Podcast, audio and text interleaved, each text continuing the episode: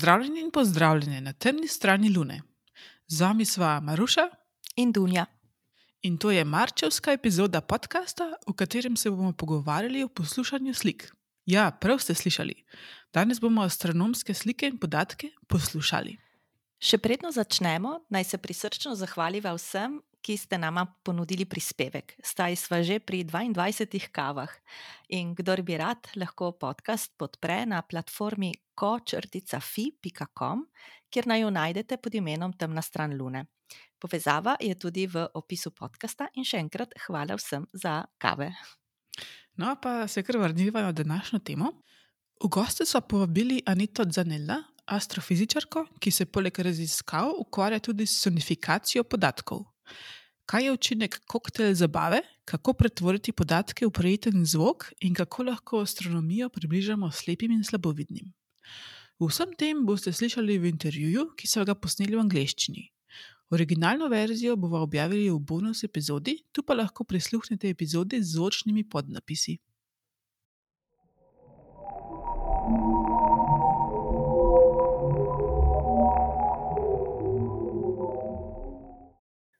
Danes je z nami Anita Zanella. Anita, si raziskovalka in komunikatorka znanosti. Ali se lahko, prosim, predstaviš najni publiki? Hello, it's a great pleasure to be with you today.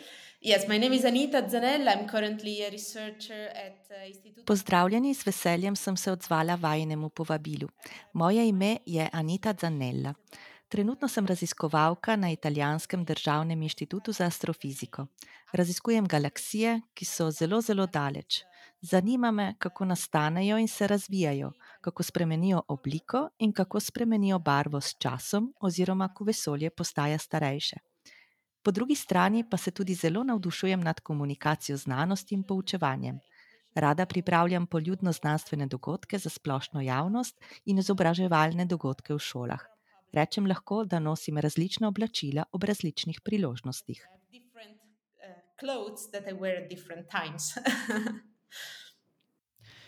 Pred kratkim si organizirala zelo zanimivo delavnico o sonifikaciji podatkov, ki se je odvijala v Leidnu na Nizozemskem. Na delavnici se je zbralo veliko strokovnjakov iz različnih področji. Zanima naju, kaj je bil namen te delavnice. Uh,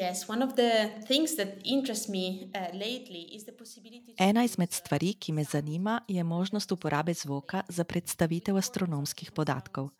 Zanima me uporaba zvoka za raziskovanje, poleg tega pa tudi za poljudno znanstveno komunikacijo in za izobraževalne namene v šolah. Organizirali smo delavnico na nizozemskem z naslovom Audible Universe, zvočno vesolje. Naš cilj je bil, da zberemo astronome, ki pri svojem delu uporabljajo zvok, pa tudi oblikovalce zvoka, glasbenike in učitelje. Ideja je bila, da se ljudje iz različnih področji skupaj zberejo, se pogovorijo in poskušajo razumeti, kako lahko najbolje uporabimo zvok v astronomiji.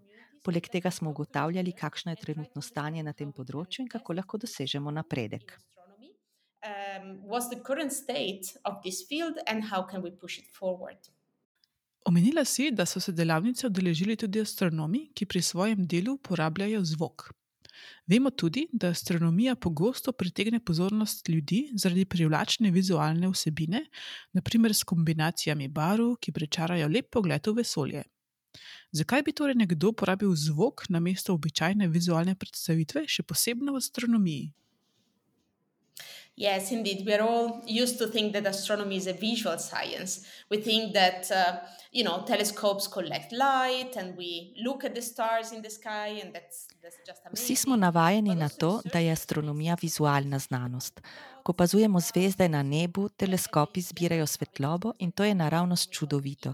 Poleg tega raziskovalci upodabljajo podatke v obliki grafov in javnosti prikazujejo krasne astronomske slike. Zaradi tega se zdi, da je astronomija vizualna znanost, ampak mislim, da je to samo zato, ker smo tako navajeni in zato, ker lahko vidimo le tisoč zvezd s prostimi očmi v najtemnejših kotičkih planeta. Potem pa potrebujemo teleskope, da lahko vidimo dlje. Toda s teleskopi le zberemo podatke, ki so številke, te pa potem prevedemo v slike, da si jih lahko razložimo. Toda kar imamo, so številke. Vemo tudi, da je mrežnica v naših očeh občutljiva le na majhen del elektromagnetnega spektra, torej le na del svetlobe. Večine svetlobe pa torej z našimi očmi ne vidimo in zato potrebujemo inštrumente, da jo lahko zberemo in zapišemo s številkami. Velika vprašanja, ki si jih zastavljamo te dni, so naprimer, ali lahko te številke prevedemo ne le v slike, ampak tudi v zvok in kako lahko to naredimo. Razlogov za to je več. Najpomembnejši je ta, da bi zvok, morda skupaj z vizualizacijo, astronomijo lahko približal vsem, vključno z osebami, ki so slepe ali slabovidne. Trenutno so slepi izključeni iz pouka naravoslovja že v zelo mladih letih in to samo zaradi tega, ker nimamo ustreznih orodij in pripomočkov. Uporaba zvoka pa bi omogočila, da bi jim predstavili astronomijo in omogočili kariero. Trenutno je na svetu samo šest slepih astronomov, to pomeni en slep astronom na 2000 oseb, kar je zelo, zelo malo. Uporaba zvoka bi nam tako omogočila, da bi imeli bolj raznoliko skupnost znanstvenikov. Po drugi strani so primeri, ko bi zvok lahko zelo pomagal. Tak je naprimer učinek zabave s koktejli. Predstavljajmo si, da smo na zabavi, kjer slišimo našega prijatelja, kako govori na drugi strani sobe njegov glas lahko zlahka slišimo kljub vsemu hrušču zabave s koktejli. Astronomi običajno opazujemo objekte z zelo šibkimi signali v zelo zašumljenem ozadju. V tem primeru bi nam torej naša ušesa lahko pomagala pri iskanju takih šibkih signalov v šumu. Naša ušesa so lahko celo boljša kot naše oči. Torej imamo primere, ko bi zvok lahko pomagal tudi ljudem, ki sicer dobro vidijo. Pri pripravi poljudno-znanstvenega materijala pa je prednost v tem, da je zvok lahko zelo prijeten in vabi k sodelovanju, tako da lahko povečamo zanimanje javnosti tudi z uporabo zvoka. Advantage is that uh, sound can be very engaging, and so we can engage the audience using sound as well. Učinek koktejl zabave lahko preverimo na primeru črne luknje. Najprej poslušajmo, kako ne bi slišali zlitje črnih lukenj brez šuma. Drug zvočni posnetek pa je zašumljen, kot so ponavadi astronomski podatki. Preverite, ali v drugem posnetku še vedno slišite zlitje črnih lukenj.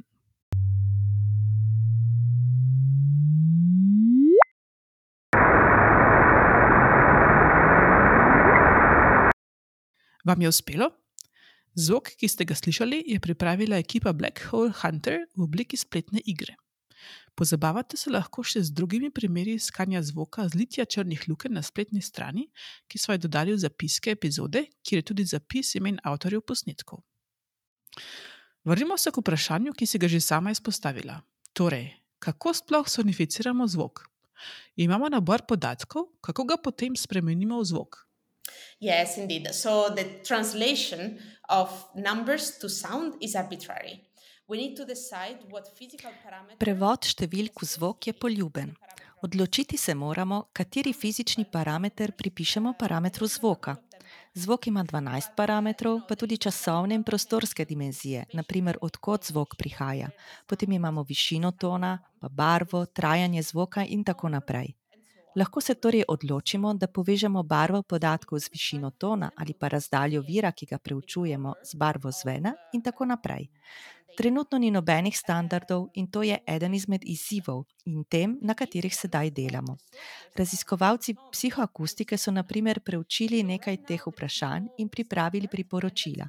Ravno zato smo na delavnico Zvočno vesolje povabili ljudi iz različnih strok, da se lahko od njih naučimo in začnemo uporabljati njihove standarde tudi v astronomski skupnosti. Naučili so nas, na primer, da če želimo klasificirati objekte, kot so eliptične ali spiralne galaksije, je najbolje, da za to uporabimo barvo zvoka. Če pa želimo primerjati objekte, naprimer svetle in temne galaksije, kjer obstaja nek kontinuum od najsvetlejših do najtemnejših galaksij, potem je bolje, če uporabimo višino zvoka. Sonifikacija je torej poljubna, vendar pa razvijamo standardne parametre. It's arbitrary, but we are working towards making these standard parameters. Najna publika je že slišala nekatere primere sonifikacije astronomskih podatkov, ki so jih uporabili v prejšnjih sezonah podcasta. Ampak tam je šlo za surove podatke, ki so bili samo predstavljeni na frekvence, ki jih lahko slišimo. Omenila si, da je bil na tem področju dosežen napredek. Kaj misliš, da so naslednji koraki, ki bi astronomom omogočili uporabo zvoka za reprezentacijo podatkov? So I would say, in a way that is a bit provocative, maybe, but. Odgovorila bom na morda nekoliko provokativen način. Sonifikacije, ki jih trenutno astronomi izdelujejo, so res grde. Zato jih ne moremo poslati v splošno javnost, ker takih sonifikacij ne bo nihče poslušal. Upam, da bomo v sodelovanju z glasbeniki in snovalci zvoka razvili nekoliko bolj prijetne sonifikacije. To je res ključno za poljudno-znanstvene predstavitve in delavnice na šolah. Gre za enako razliko, ki jo vidimo med surovimi podatki in surovo vizualizacijo, ki jo uporabljamo v raziskavah, ter med čudovitimi slikami, ki jih predstavimo javnosti. Tukaj moramo narediti enako. Lahko imamo grde sonifikacije za raziskovalce, ki so vsekakor zanimive, ampak potem moramo pripraviti tudi prijetne in lepe sonifikacije za javnost in za otroke v šolah. Mislim, da je to naslednji izziv in eden izmed razlogov, zakaj moramo v proces vključiti glasbenike in strokovnjake za sonifikacijo podatkov.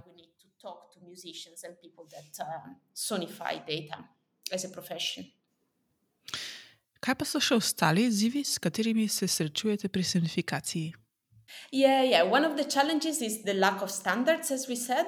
So everyone makes their own sonification as they want. Kot sem prej omenila, je eden izmed izzivov pomankanje standardov. Vsakdo lahko na svoj način ustvari sonifikacijo, vendar je potem zelo težko razumeti, kaj poslušamo. Zato potrebujemo standardizacijo na podoben način, kot imamo standarde za slike. Naslednja stvar je skepticizem, s katerim se soočamo, recimo v akademskih okoljih. Ko raziskovalce prosimo, naj poslušajo podatke, nas najprej vprašajo: Ampak zakaj? Lahko jih vidim, zakaj bi jih moral še poslušati? Imam svoje orodja za gledanje, zakaj bi to moral spremeniti? In pa tudi, zakaj bi morala sotifikacija delovati? Kar mislim, da moramo narediti, je strogo testiranje in vrednotenje sonifikacije. Pokazati moramo, kdaj sonifikacija deluje in zakaj je uporabna, kdaj je bolj uporabna kot vizualizacija in kdaj jo lahko uporabimo hkrati v tandemu z vizualizacijo. Potrebujemo dokaz, da je to učinkovit način analize podatkov. Enako moramo storiti z javnostjo. Javnost ne ve, da astronomija ni vizualna, ampak so to številke moramo jim sporočiti. Začnemo s številkami in potem vam damo slike, ampak lahko vam pa damo tudi zvok. Lahko nam zaupate, da z zvokom raziskujemo podatke. Naslednja stvar, ki jo torej moramo narediti, je ozaveščanje javnosti, da se z astronomijo lahko ukvarja vsak in se o njej uči, ne glede na njihovo oviranost, okvarjen vid in tako naprej. V povezavi s tem vsako leto organiziramo astronomski festival. Zgodi se junija blizu Mantove v severni Italiji. Letos bo tema multisenzorična astronomija, naslov pa bo Vesolje v vseh pogledih: The Universe in All Senses. Vse aktivnosti bodo za javnost predstavljene za vsaj dve različni čutili. To bo omogočilo, da bo festival dostopen vsem, ne glede na njihovo morebitno oviranost. To je izziv, ampak mislim, da ga je lepo premagovati. And uh, it's a challenge, but I think it's a beautiful challenge to, to go through. O tem smo že govorili, pa vendar. Kaj pa so še prednosti zvočne predstavitve podatkov v primerjavi z vizualno? Yeah, I can add a couple of things. Uh, one advantage, as I said, is, Lahko dodam nekaj stvari. Kot sem omenila, je ena izmed prednosti delo z zašumljenimi podatki. Zvočni posnetek lahko v takem primeru pomaga. Še ena prednost je dejstvo, da ima zvok, kot sem že omenila, več parametrov in sicer do 12 parametrov, ki jih lahko uporabimo. V astronomiji vse pogosteje delamo s tako imenovanimi velikimi podatki, naprimer s podatkovnimi kockami ali podatki v celo več dimenzijah. Vizualizacija takih podatkov je zelo težka, ker lahko uporabimo le do tri prostorske dimenzije in potem naj jim jih zmanjka. V vsakem primeru bi lahko združili vizualno in zvočno reprezentacijo in s tem razširili število dimenzij, ki jih hkrati lahko raziskujemo. To bi torej lahko povečalo parametrski prostor oziroma prostor raziskovanja, ki ga astronomi lahko dosežemo v podatkih. Naslednji primer so pojavi na nebu, ki so kratkotrajne narave. V nekem trenutku se pojavi izvor svetlobe, v nekem drugem pa že izgine. V tem primeru mora astronom, ki je v kontrolni sobi teleskopa, hitro ponovno opazovati ta objekt. Namesto strmenja v ekran bi lahko imeli zvočni alarm, ko pride do takih dogodkov. Audio je v takem primeru zelo uporaben. Z našimi očmi lahko vmes delamo nekaj drugega in hkrati poslušamo zvok in čakamo na alarm, kot to počnemo naprimer v kontrolnih sobah, bolnicah in v drugih situacijah. Torej je uporaba zvoka za spremljanje alarmov zelo uporabna. So using sound as alarm monitoring is also very effective. Poslušajmo sedaj sonifikacijo zvezd, ki se po sončevem zahodu začenjajo pojavljati na nočnem nebu v Čilu ob zelo velikem teleskopu v lasti Evropskega južnega observatorija. Svetlejše slišimo prej, preden zaide sonce. Barvo prizarja ton, višji za modre, nižji pa za rdeče. Njihovo lokacijo na nebu pa spremljamo preko stereo učinka. Originalna verzija tega posnetka je bila narejena za video Audio Universe, Tour of the Solar System, ki je primeren za planetarije. Povezavo do posnetka in ostale informacije o avtorjih najdete v zapiskih.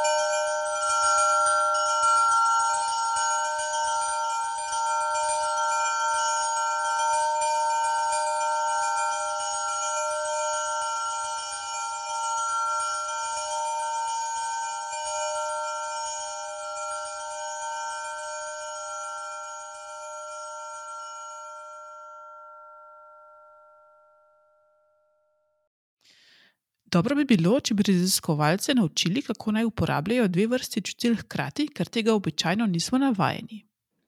Yeah, you have a very good point. That's another challenge about uh, sonification. Uh, we To je zelo dobra ugotovitev. To je naslednji izziv pri sonifikaciji. Naredili smo eksperiment, kjer smo astronomom in laikom predstavili nekaj sonifikacij in nekaj grafov, narejenih z istimi podatki.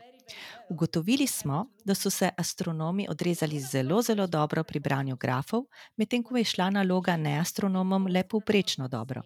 Pri sonifikaciji pa sta se obe skupini odrezali enako dobro. Nivo uspeha je bil enak.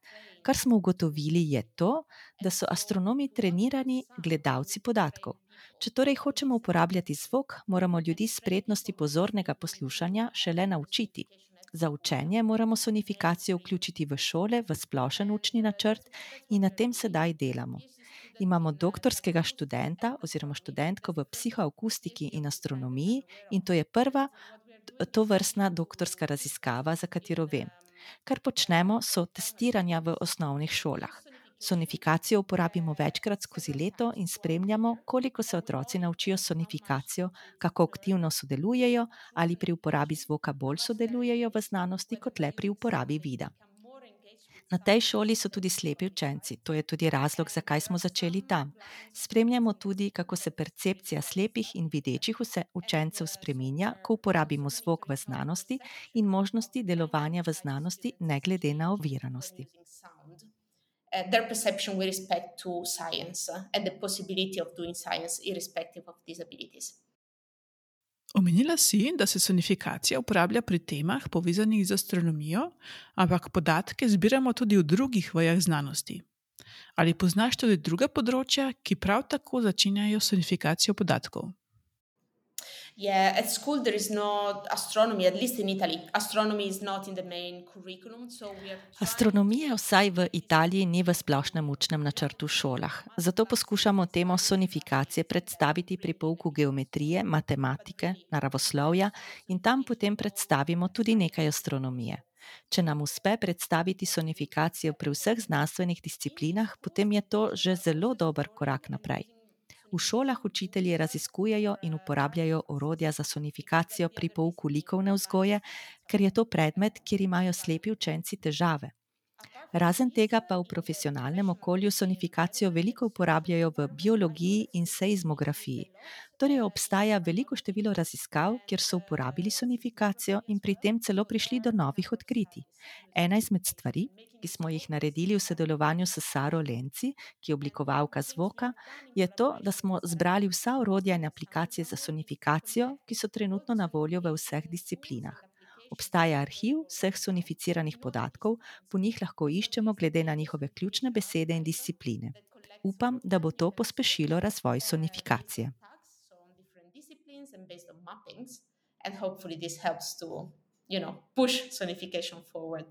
Ta arhiv je javno dostopen. Povezavo bomo dodali v zapiske. Omenila si, da sonifikacija že postaja pomemben del raziskav in da jo nekaj astronomov že uporablja pri svojem raziskovanju.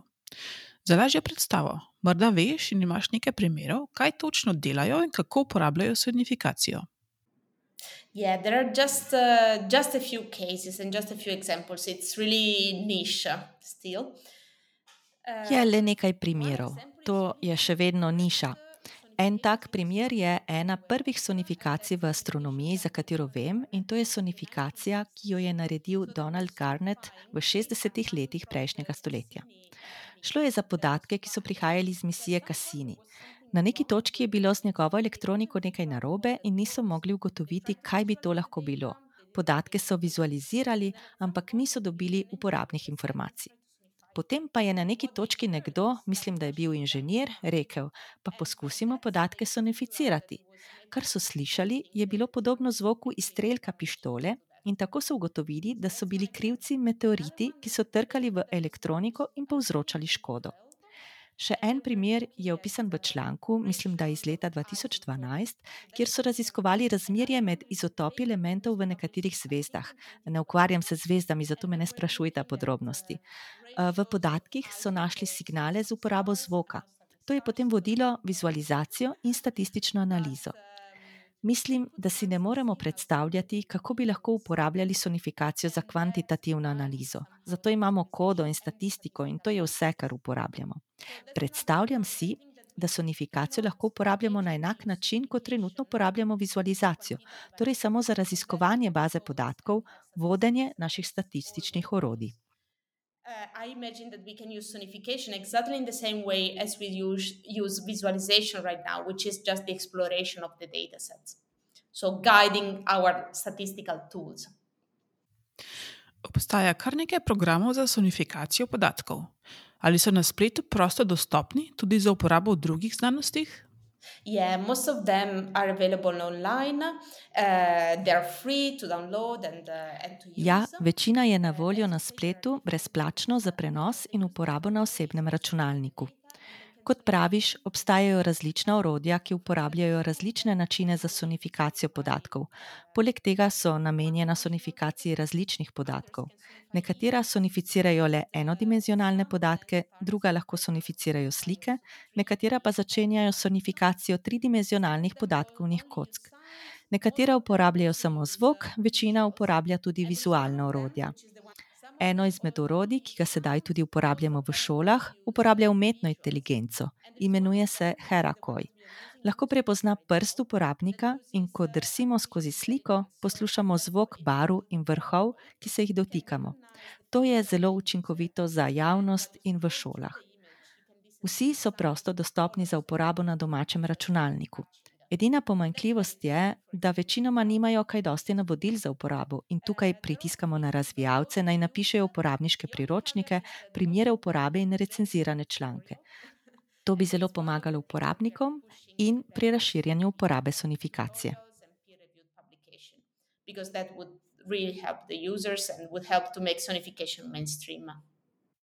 Intervju smo začeli z delavnico, ki ste jo organizirali, pa naj še končamo s to temo. Ste pri organizaciji naleteli na uvire in izzive, glede na to, da gre za novo raziskovalno področje? Yes, it's, uh, as you say, new topic, new field, new people. Gre za novo temo, novo področje in nove ljudi. Delavnica bi lahko bila velik uspeh ali velik polom. Mislim, da je delavnica uspela, ampak kot si rekla, naleteli smo na izzive. Največji je bil v iskanju pravega jezika za sporazumevanje, vsaj na začetku. V sobo daš astronome in oblikovalce zvoka in vsi poznajo besedo frekvenca, ampak jo uporabljajo na različne načine, oziroma beseda pomeni različne stvari. Uporabljamo torej iste besede, ampak ne govorimo istega jezika. To je bila ena stvar, na katero smo se morali navaditi. Potrebno je bilo veliko potrpežljivosti strani vseh udeležencev in tudi razlag, kaj točno pomenijo besede, ki jih uporabljajo. Potrebna je bila odprtost in pripravljenost na vprašanja, pa tudi postavljanje vprašanj glede nejasnosti, kar ni tako značilno za raziskovalce. Ne radi priznamo, da nečesa ne vemo ali ne razumemo, in to je bila zares prva ovira in prvi korak, ki smo ga morali preseči. Mislim, da nam je uspelo, vzdušje je bilo zelo igrivo in spodbudno. Mislim, da je bil to dober in pravi kraj za izvedbo. It was the right place and the good place to do it. Ali že načrtujete naslednjo tako delavnico? So this one was already the second one. The first one was uh, uh, online. Ta je bila že druga.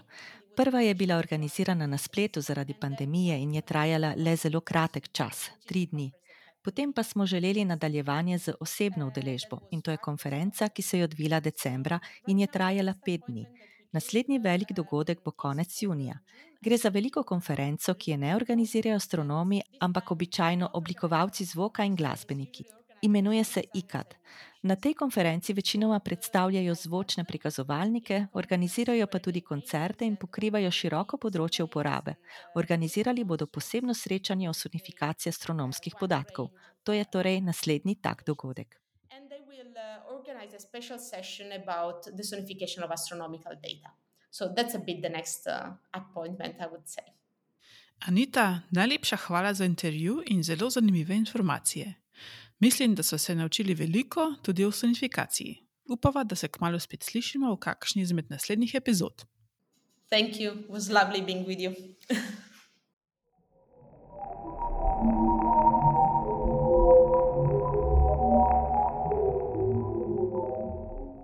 13. februarja po noči je nad Rokavskim prilivom nebo razsvetlil majhen asteroid z imenom 2023 CX1.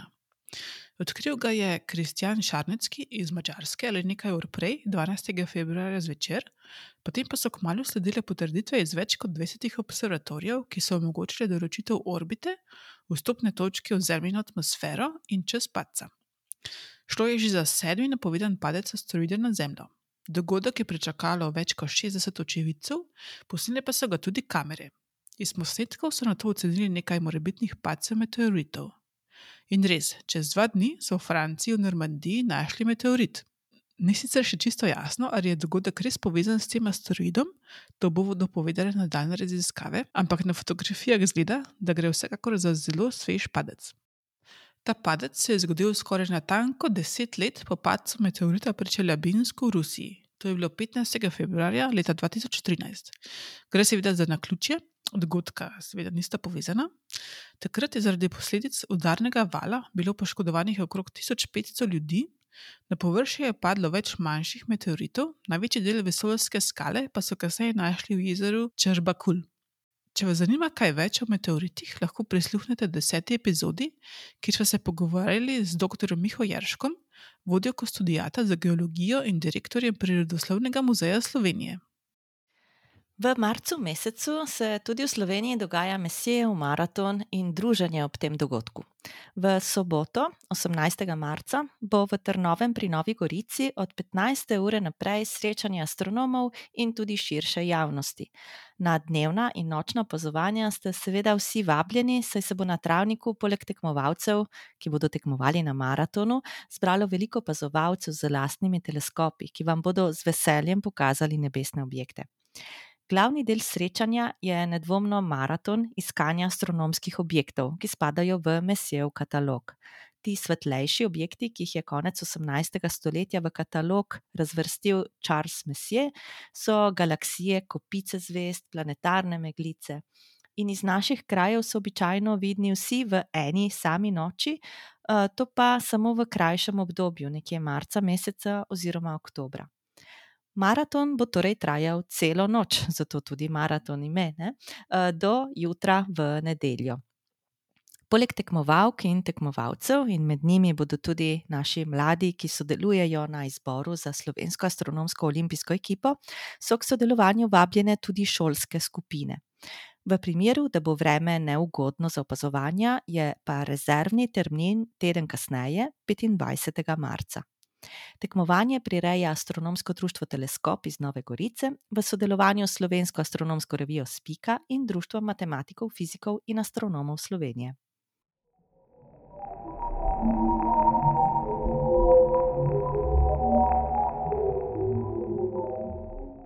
Meseca marca boste lahko poleg objektov, ki jih eh, lahko zaznamo na Mesijevem maratonu, eh, ki smo ga ravno kar omenili, lahko spremljali kar nekaj srečanj med planeti in Luno.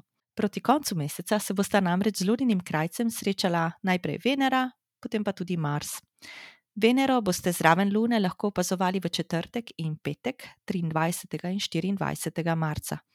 Pojav bo viden uro in pol po sončevem zahodu, približno 15 stopinj nad zahodnim obzorjem.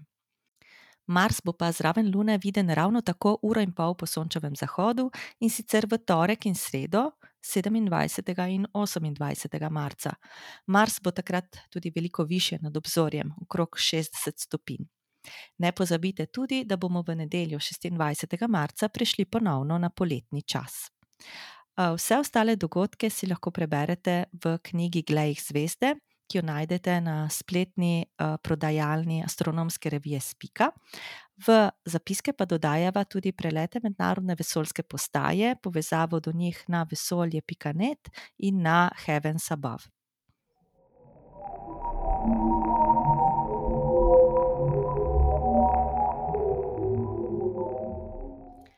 V tokratni epizodi sva gostili Anito Zanella, raziskovalko in znanstveno komunikatorko, s katero sva klepetali o tem, kako lahko astronomske in tudi druge podatke pretvorimo v zvok. Naš sluh očitno premalo uporabljamo v namen raziskovanja in tudi drugače premalo razmišljamo o njegovi uporabi. Prav tako pa je pomembno, da je Anita omenila, kako je prenos astronomskih podatkov in posnetkov pomemben za slepe in slabovidne, saj na ta način lahko približamo tudi astronomijo, ki jo drugače pojmujemo kot čisto slikovno vedo. Poleg zvoka, ki je popestril najni intervju, naj se zahvaljiva za glasbeno kuliso, intro in outro, Pelju in obenem pozdraviva še Aljota in Zija iz pobratenega podcasta Opravičujemo se za vse nevšečnosti. Prisluhnite jim lahko vsak ponedeljek. Z vami smo bili Maruša in Dunja in slišimo se prvi ponedeljek v aprilu. thank you